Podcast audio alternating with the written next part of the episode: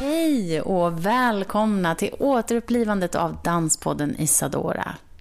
Alltså, hej, hej, hej, hej.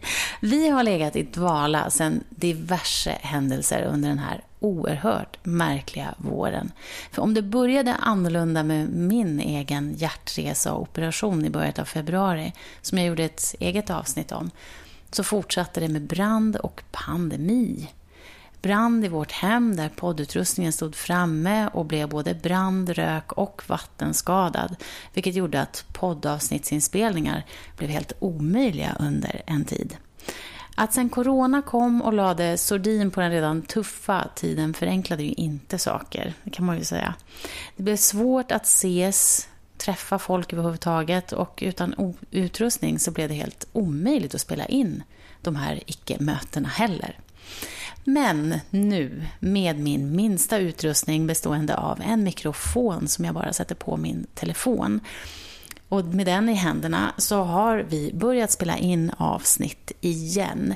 Jag kan ju säga att eftersom det bara är en mikrofon och jag inte kör den fram och tillbaka så hörs den som jag pratar med mycket bättre än jag själv hörs och det är ju precis som det ska vara.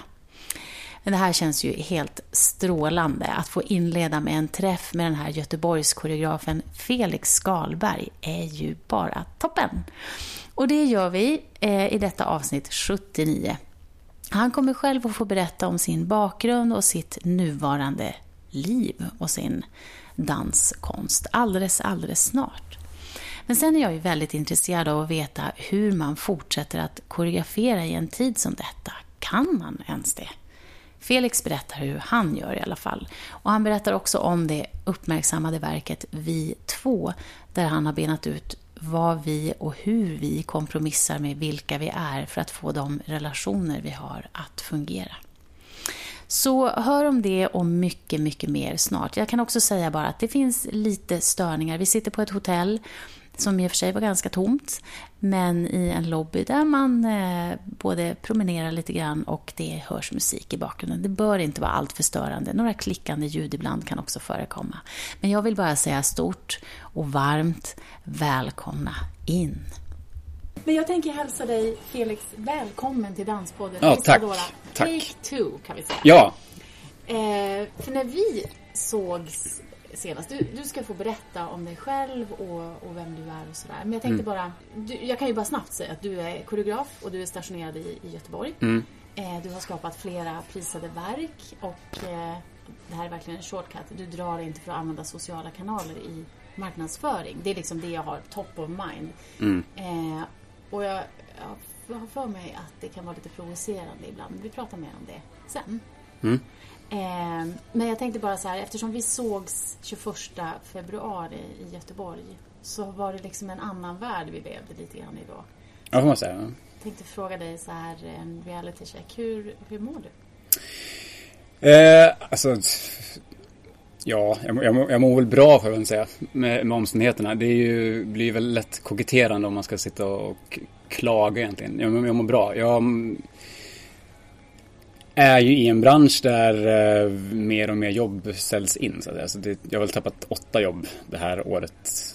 Men eh, alltså det är ju samma för alla egentligen. Alla i min bransch sitter ju i samma båt. Så det är väl ingenting att... Eh, det är väl bara att göra det bästa av situationen egentligen. Mm, mm. Men med omständigheterna så mår jag bra. Får jag säga. Mm.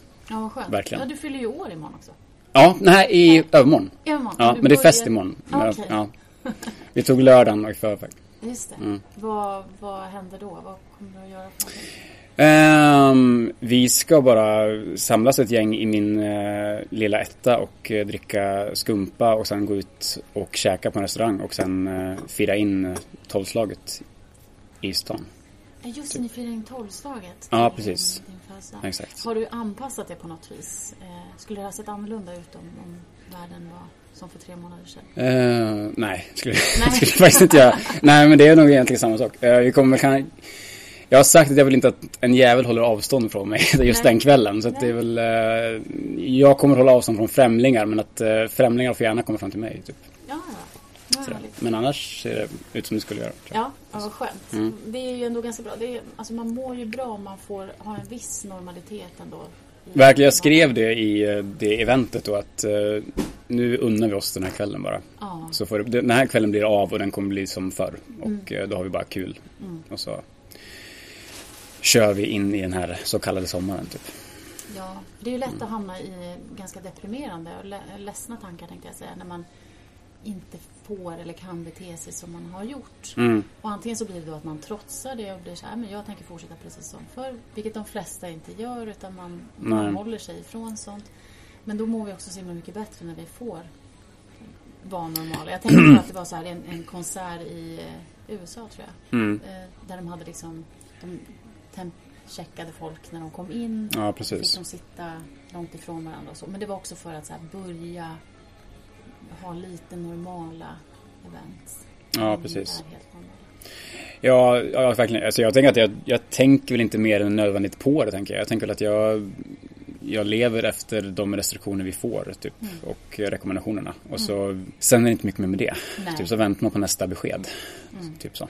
Tycker du att vi har valt en bra strategi i Sverige?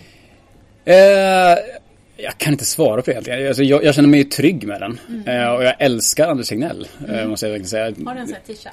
Nej, Nej. det har jag inte. Ehm, men uh, får jag en i födelsedagspresent blir jag väldigt glad. Mm. Kan man säga. Nej, men jag, jag såg någon bild på honom igår på Aftonbladet när han satt och drack en öl på uteservering och gjorde en intervju samtidigt. Det var så här, du älskar karln. Ja. Alltså det, lugnet i honom är ju sanslöst. Han, har- han, liksom en, han har liksom en sköld som man inte kan tränga igenom. Det är helt otroligt. Han verkar också vara otroligt, eh, alltså han verkar kunna väldigt mycket. För det var någon som sa, någon journalist som var så här, men är det någonting som han inte kan svara på? Mm. Det är så här, helt obegripligt. Han, han kan väldigt mycket. Ja, alltså, ja, precis. Jag skulle också vilja säga, finns det någonting som skulle stressa upp honom? För att han, för alltså det var ju typ i onsdags som han, hans, familj hade blivit uh, mordhotat. Typ. Ja, och sen på torsdagen sitter han och dricker en öl i en intervju på uteserveringen. Ja. Det är ju så här, det är ja, beundransvärt. Mm, måste jag verkligen säga. mm. Nej men jag, jag kan ingenting om det. Så jag kan inte säga om det är rätt eller fel. Men jag är jättetrygg med honom och hans, eh, hans strategi. Så att jag känner mig inte bekymrad eller orolig på något sätt. Du är inte en av dem som skulle vilja lämna landet? Verkligen inte. Nej. Nej. Mm. Men det här du nämner om att branschen eh, är påverkad och sådär. Jag får ganska mycket frågor. Alltså folk vill att jag ställer frågor till er som är ute och arbetar. Mm. eh, Just som koreografer och dansare och så. Hur, hur ser du att, att din bransch har påverkats? Eh, det är väl ganska tydligt. Teatrar är stängda. Ehm, folk får inte... så- Alltså, hela vår bransch affärsidé är ju att eh, det samlas massa folk, sitter tätt under en lång tid och kollar på personer som svettas i en lokal. Liksom. Så att det är ju... Det säger ju sig självt. Det är liksom... Det går ju inte i den här tiden. Det är ju en helt, det är, alltså, det är helt fel bransch att klara sig in i en, eh, i en sån här kris. Så att det är inte så Nej. mycket att göra åt saken egentligen. Nej. Men eh, tror du att ni kommer att få något stöd? Eh, Vet du om, om ni har någon, kan ni söka några? Det, finns, det, finns ju, det kommer ju upp fler och fler stöd tycker jag som man Ja. kan söka. Som stipendier och eh, arbetsstipendium och um, sådär. Så det, det tycker jag. Mm. Så att eh, jag tycker att det kan ju alltid finnas mer såklart. Men jag tycker ändå att det har funnits att söka. Så att eh, ja, det gör jag väl. Ja. Ja. Är det här någonting som man kommer att se då i din konst på något vis? Om pandemin? Ja. Nej, det tror jag inte. Jag tror inte att det är ett ämne som jag så riktigt skulle eh, ta mig an riktigt tror jag. Nej, Nej jag, har, jag hörde om att så här, spanska sjukan till exempel, Mm. den läser man eller ser man nästan inte någonstans som en kulturell yttring, alltså varken i litteraturen eller det har inte gjorts några filmer om det eller så. Den, det verkar inte som att den har liksom påverkat på det viset. Nej. Och då var lite frågan eh, som några diskuterade var ju så här, men kommer det här också passera lite så obemärkt. Alltså, Aha, vi kommer okej. inte dokumentera det på samma vis. Vi kommer inte att, men det verkar som att man redan gör Det tror jag dock. Det, det kommer ju redan dokumentärer om det. Så Ja. jag, jag, tänker att det kommer... Ja. Eh, jo, men det tror jag. Herregud. Det finns väl inte någon världshändelse som inte blir långfilm eller som inte blir eh, Mm. berört i kultur. Så det... Jo, men det tror jag absolut. Mm. Eh, men det är väl inte ett ämne jag nödvändigtvis kommer att eh, ägna mer tid än nödvändigt åt kanske. Nej, just det. Men man kommer att säga så här, men nu håller vi coronaavstånd i det här läget. Nej men exakt, ja, men, precis, men det, det kommer nog ske. ja. Eh, jag ska göra en föreställning för Gävle, eh, Gävleborgs region i, om två veckor. ja. Eller börja på att arbeta med det. Och då har jag ju väldigt så här, eh, tydliga restriktioner. Att dansarna får inte, måste hålla sig på visst avstånd. Det måste vara vissa formationer. Det får inte vara kroppskontakt och sådär. Så det, Men åh, men hur löser man det? Ja, det, det, man får helt enkelt vara förberedd bara på hur man bygger upp själva stycket. Ah, Att eh, bort med alla kontakt, kontakter och eh, fokusera mer på breda formationer typ. Ja, men då är det ju redan påverkat, ja.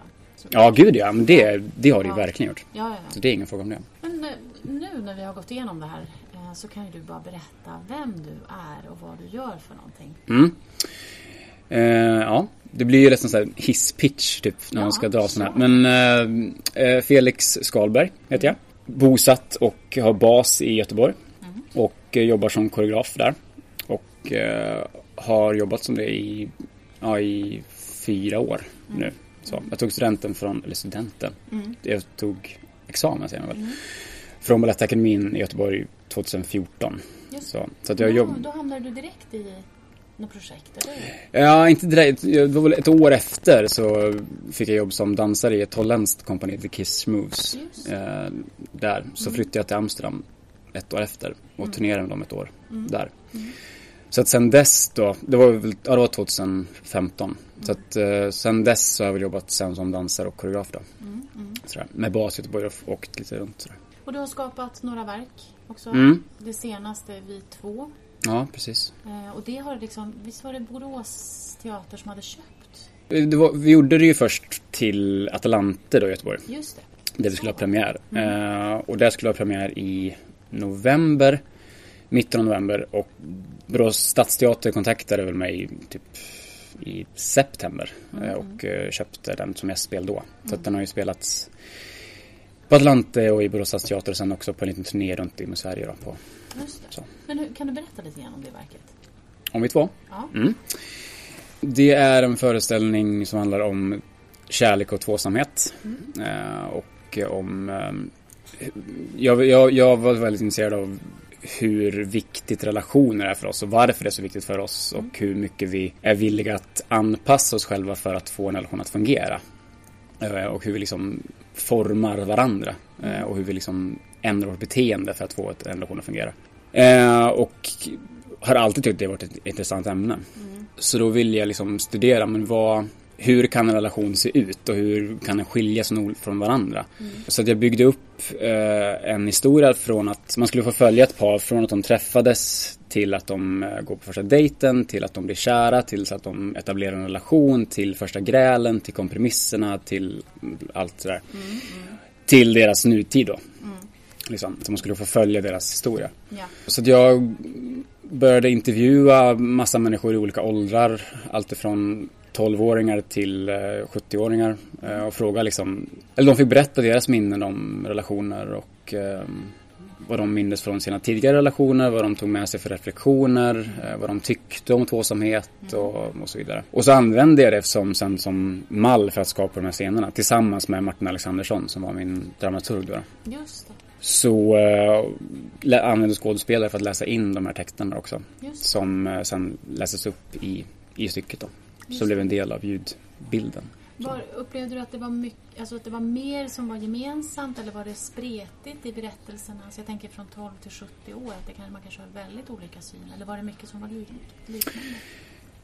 Det jag främst märkte var, eller det var kul att märka var att alla talade väldigt kärt om sina minnen. Det var ingen så här bittra miner liksom när man pratade om så här hur, de, hur man träffades och när man visste att man var kär och alla såna här grejer. Det jag märkte var väl att de äldre hade väl lite mer eh, själv eh, kritik och lite mer reflektioner kring hur man själv hade varit i relationen och, Ja. och sådär. De unga var väl lite mer att den som hade gjort slut var en idiot. Typ. Vilket också är fint. Men eh, det var väl den mest markanta skillnaden tyckte jag. Men det visar sig sen. Sen har du liksom bakat ihop det här till historien som du berättar. Ja, precis. Vi hade ju olika, vi hade ju tre olika sektioner. En sektion där rösterna berättar om, eh, alltså verkligen så varma kärleksminnen. När de berättar om eh, varför relationen tog slut eh, och varför de tror att tvåsamhet är så viktigt för oss. Liksom. Sådär. Så vi, både jag och Martin då, vi hade de texterna vi, som vi hade skrivit ner från de här eh, personerna. Och sen så tillät vi oss att dramatisera dem så att de passade in liksom i själva stycket. Då. Vi var ändå noga med att alla minnen eh, och alla ord ändå behölls. Vi ändrade inte historierna, snarare att vi ändrade liksom ordval och sådär. Men, eh, men själva historierna var alltid eh, väldigt autentiska. Så. Men om du skulle beskriva dig själv som koreograf, vad skulle du säga är din, vad är, vad är din grej? Ja, vad ska man säga om det egentligen? Jag, jag brukar väl säga att eh, jag vill väldigt, verkligen underhålla en publik. Så att under mina föreställningar så ska en publik både Målet är att de ska både kunna skratta, häpna, gråta och eh, också bli rädda. Typ. Alltså, alltså, alla känslor ska kunna finnas innebakade i det. Så att man ska få, få hela det spektrat. Jag tänker att mitt, mitt jobb som koreograf är väl att publiken ska, eller så här, jag ska fånga publikens intresse från första sekund. Och sen hålla det intresset tills att de får applådera. Så att man ska liksom helt släppa det som sker utanför teatern i sina egna liv och bara fokusera på eh, det som spelas upp framför dem. Liksom. Och att de ska kunna också komma in i den här världen som presenteras för dem på scen. För det, det, det är i alla fall det jag förväntar mig när jag går och kollar på konst. Att jag vill liksom bara glömma allt som är med att göra och bara fokusera på det som sker. Hamna i det här, det här meditativa stadiet. Som man kan känna när man bara ser en Ja men man bingear en tv-serie också, att man verkligen glömmer att det har gått åtta timmar. Utan man bara fokuserar på det. det som är på tvn. Typ. Man går in i den världen. Gör du så att du vill, alltså har du långa eh, verk? Eller satsar du på att liksom hypnotisera genom att ha en långa verk? Jag brukar hålla mig runt mellan 40 och 50 minuter. Och sådär. Ja, just det. Alltså det får, det får vara hur långt som det långt det behövs. Det får gärna vara längre också. Men jag, det ska inte vara längre än nödvändigt. Eh, jag, alltså jag tänker att det ska inte vara en sekund som är överflödig helst. Utan att Nej. jag är väldigt noga med att varenda sekund ska vara liksom motiverat. Att ja, men, så fort det börjar, eller när jag tittar på rep, liksom, jag tittar på genomdrag av det jag gjort. Så fort det börjar kännas liksom att ja, men nu börjar jag tröttna, då stryks den sekunden. Liksom. Och då får vi liksom tajta till det. Ja, För det får inte vara, det får inte vara tråkigt. Det får inte vara tråkigt. Nej, det får inte vara tråkigt. Eller det får inte vara det får inte kännas som att ja, men det här ska inte vara här. Det här behövs inte. Nej, just det. Alla, varenda sekund ska men det här behövs. Som publik ska man aldrig överkänna att okej den här sekunden den har kunnat varit utan. Det får inte ske. Men vad, vem inspirerar dig? Eller vad inspirerar dig? Har du någon ledstjärna?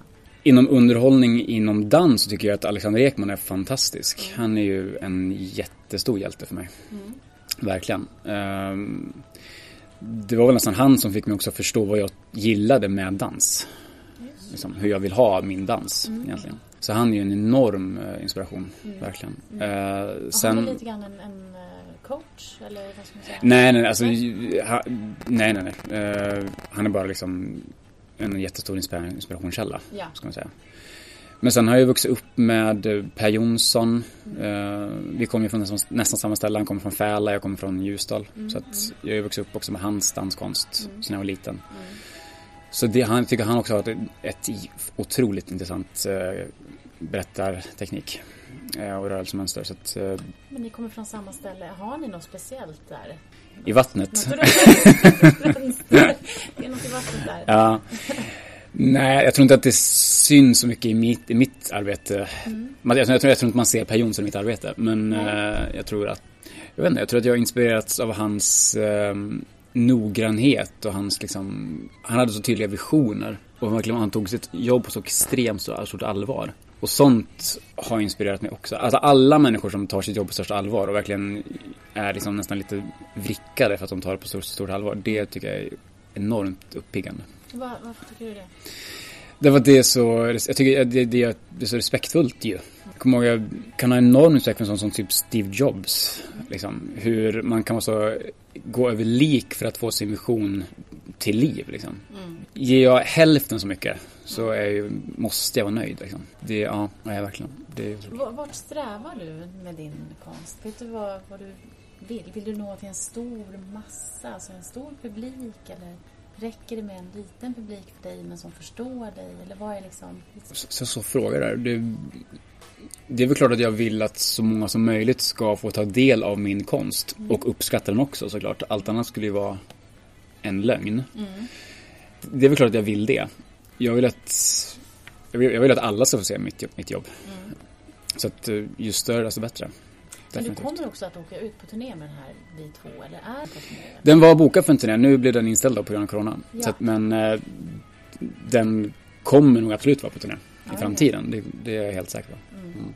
Eh, en fråga som jag hade till dig var vad det är som, som driver dig som koreograf och så, men det tycker jag nästan du har svarat på. Alltså mm. just att du vill, eller, eller du kanske vill utveckla det. Men något mer där som du... Hur tänker du driver mig?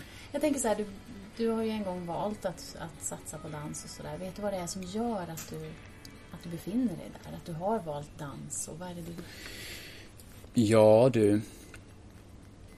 Jag spelade teater mycket innan jag började dansa eh, som liten. Det jag tyckte var kul som skådespelare, eller skådespelare, som hobbyteaterspelare kan man säga. Så uh, tyckte jag var så kul att kunna bli någon annan för några, några minuter. Att verkligen att bli någon annan än mig själv. Mm. Det jag tyckte var så kul med dansen var att man kunde bli någonting annat. Jag vet inte om jag kan ta något exempel, men alltså att alltså själva det själva momentet av att ett blad faller från en blomma och landar på backen. Alltså det momentet att den tappar från kälken, heter det ja. ja. Och landar på, på marken. Alltså det momentet kan jag bli som dansare själva rörelsen en flugas vinge gör när den ska lyfta från marken också. Mm. Det kan jag bli, alltså det själva momentet. Mm. Det tycker jag är så jäkla coolt. Att, så här, att man kan liksom kan koreografera det in. jag, jag vill att du ska vara det momentet mm. när du gör det här. Mm. Och att man coachar då en dansare och så försöker man liksom hitta det där. Att den dansaren visar sin take på det och så förklarar jag min, min uh, syn på det och så kan man liksom hitta någonting som perf som liksom matchar in i min bild. Mm. Det tycker jag är så jäkla coolt och kul. Mm. Så det kan jag sitta, alltså det kan jag göra, jag tröttnar aldrig på det. Jag kan sitta många, många timmar som helst och sitta och hålla på med det. Och nörda mig i sådana där grejer. Och det blir väldigt tråkigt. Jag har, all, jag har aldrig så kul som när jag får sitta, när jag får sitta i en studio och göra det. Ja, men det är väl det. Alltså det där, de där momenten verkligen man kan göra, att man verkligen kan få en dansare att bli någonting annat. Mm. Och att man också kan bli någonting annat själv. Mm. Det, jag älskar att leka med det. Vad roligt. Alltså det verkar som att du verkligen är i ditt rätta element då. Ja, det vet man inte, men det hoppas i alla fall. Ja. Det känns i alla fall så. Mm. Men vad jobbar du med för typ av dansare? Vad, vad är du ute efter? Är det olika för olika projekt? Eller det, har du någon sån här drömdansare? Drömdansare? Ja. Jag tror att jag kräver ändå en ganska stark teknik mm. från dansarna ändå. Eh, det tycker jag är viktigt. Mm. Jag tycker inte att dansare står på scen för att det är lätt. Utan jag vill verkligen att de ska ha, kunna verkligen använda hela sitt spektra av teknik och hela sin kropp. Men också vara väldigt mån om vem de är själva som dansare. Så att de har en egen, eh, en egen röst och ett eget rörelsespråk. Och att de har hittat det.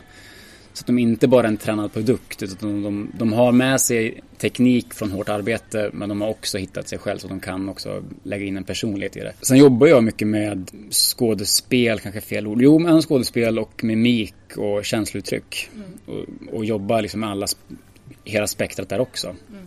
Allt ifrån sorg till skratt. Så att eh, dansarna får inte vara rädda heller att, att jobba med det. Mm. Och liksom använda sig av ett brett uttryck. Är det viktigt för dig med scenografin och ljuset? Hur, mycket, hur involverad är du liksom i hela den processen?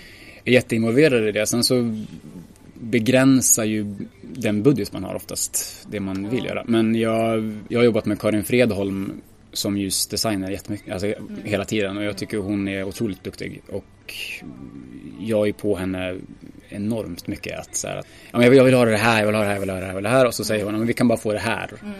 Och säger, ja okej, okay, men då, då får du ta, använda bara det, men då får du få det att se ut som att vi har allt det andra också. Ja. Så det, liksom, det får se, ska se ut som att vi har 100 000 mer i budget än vad vi har. Ja. Så jag, jag skiter i hur du gör det, bara det ser ut så. Just det. Liksom. så vad, vad är det med henne som gör att du väljer att arbeta med henne? Det, hon kom också från Ljusdal.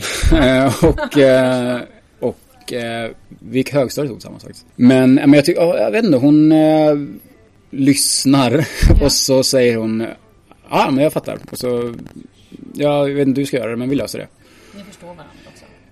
Jag tror hon förstår mig framförallt. Och sen så eh, på något mirakulöst sätt så lyckas hon alltid överträffa sig själv varje gång. Jag tycker det, ja, hon är hon lyckas eh, ge mig det jag inte ens visste att jag ville ha. Mm. Faktiskt. Mm. Så att, eh, ja, nej. Mm. Kärt eh, samarbete. Du, du, har ju gått från att dansa, mm. alltså, spela dansa, till att koreografera. Var det ett så medvetet val att så här, men ja, det, det är koreografi jag ska syssla med? Ja, det, det kom som jag, alltså, när, vi, när jag gick på Balettakademin så uh, skulle vi göra ett Dansens dag-projekt, mm. tror jag det var. Där klassen då skulle koreografera en egen föreställning. Och då hade vi möte om det där, hur vi skulle göra upp arbetet. Så, och då kom vi fram till att ja, alla, får, alla som vill får möjlighet att koreografera en egen scen. Eh, och man kan göra det själv eller så gör man det i, i konstellation av tre eller två eller vad man nu vill göra. Eh, och sen så sätter vi ihop det här då liksom. Och då kände jag att ja men det, det låter kul liksom. Så att jag sa, men jag, jag kan göra en scen. Och då fick jag göra det och då skulle jag göra en, en, en scen med tre dansare. Alltså beslutet att gjorde lite på volley. Så jag var, jag var lite så här, jag, sen blev jag lite nervös. Varför sa jag att jag skulle göra det här för? Mm. Och så... Du utmanade dig själv lite? Undermedvetet. det var liksom ingen strategi. Det var bara så ja, jag räckte upp handen bara. Ja. Och då kände jag, okej okay, men fan nu får, nu får, nu får du göra det här bra. Nu kan du inte liksom bara slumpa det här, utan nu får du liksom anstränga dig också. Så då gjorde jag det. Och märkte att jag tyckte att det var väldigt roligt. Eh, och hade väldigt lätt för det. Eh, att uh, se scenen framför mig och kunna koreografera det jag ville koreografera och sätta en känsla. Och, och märkte också att jag var väldigt bra på att ge dansarna feedback och liksom få, eller feedback, jag, jag, jag lyckades få in dem i min vision kan man säga. Mm. Så visade jag upp det och det uppskattades väldigt mycket från klassen. Mm. Och uh, kom fram folk också efteråt när de hade sett föreställningen och tyckte att den, just den scenen var väldigt, väldigt bra. Mm. Och frågade som hade gjort den. Mm. Så att uh, då fick jag blodad tand. Men då, men då märkte jag väl att jag hade lätt för att komma på saker. Och uh, få fram en vision. Ja, så det var väl det. Och då kände jag att okej, okay, men det här är ändå dans är kul, eller att dansa är roligt. Mm. Men det här var ändå någonting annat. Det här var väldigt, väldigt roligt. Så eh, då kände jag väl att okej, okay, men dansare är jag så länge jag kan vara det.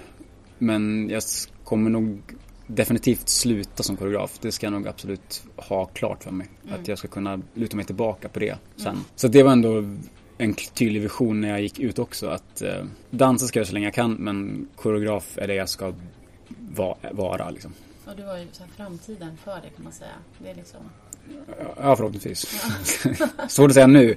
Men eh, ja. ja men för jag tänkte säga, jag tänkte fråga vad, vad du känner att du har offrat för att dansa och koreografera och så. Men nu har du inte arbetat så många år. Det kanske är en fråga som egentligen ska komma om 15 år.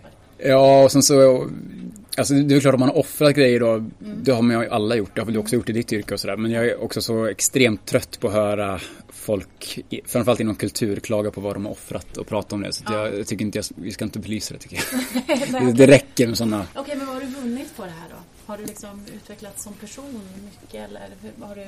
Det tror jag. Alltså jag är väldigt trygg i mig själv. Mm. Så det tror jag att jag har fått genom att jag har känt att jag har valt ett yrke som jag dels tycker är väldigt kul, vilket kanske låter platt, men det är ändå väldigt skönt ändå att inte sitta och eh, räk, att inte lägga ut en Instagram-bild att eh, nu, nu, nu stänger jag av datorn när man tar semester typ, eller mm. så här alltså, fri ja. liksom när man går på kontoret. Utan man, man känner verkligen att man gör någonting som är kul hela vägen. Och att man också har, jag känner också att jag är bra på det jag gör. Mm. Liksom. Jag är inte alls något tvivel på att jag är duktig på det jag gör. Mm. Sen kan man ju tvivla naturligtvis också, det gör man ju alltid. Men eh, i grunden ändå så känner jag aldrig att eh, Alltså man kan ju tvivla när man får nya jobb. Hur kommer det här gå? Och har man tagit vatten över öronen?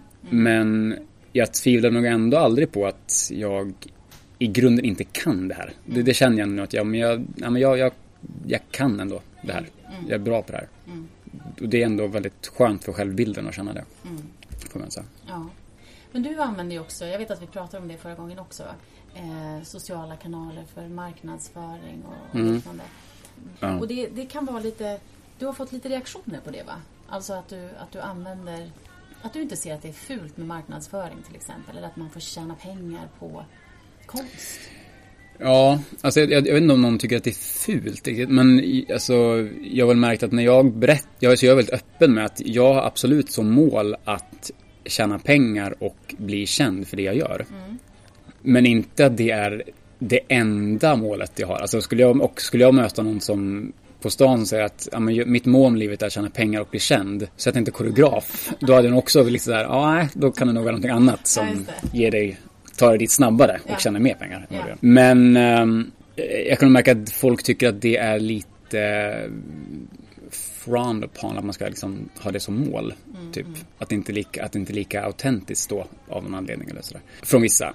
Men jag, alltså jag, jag tänker att jag, jag, jag har ju två roller som Alltså när jag sätter upp mina egna verk till exempel. Mm. Då har jag ju två roller. Jag har ju inte råd att ta in en producent som finansierar och hjälper mig att köpa, sälja in mina verk. Mm. Utan det måste jag göra själv. Och då är jag ju, dels är jag koreograf. Mm. Och när jag är koreograf då är ju allt fokus på vad som görs i studion. Alltså då är liksom allt fokus är på vad jag skapar med mina dansare och vad som sätts upp på scen.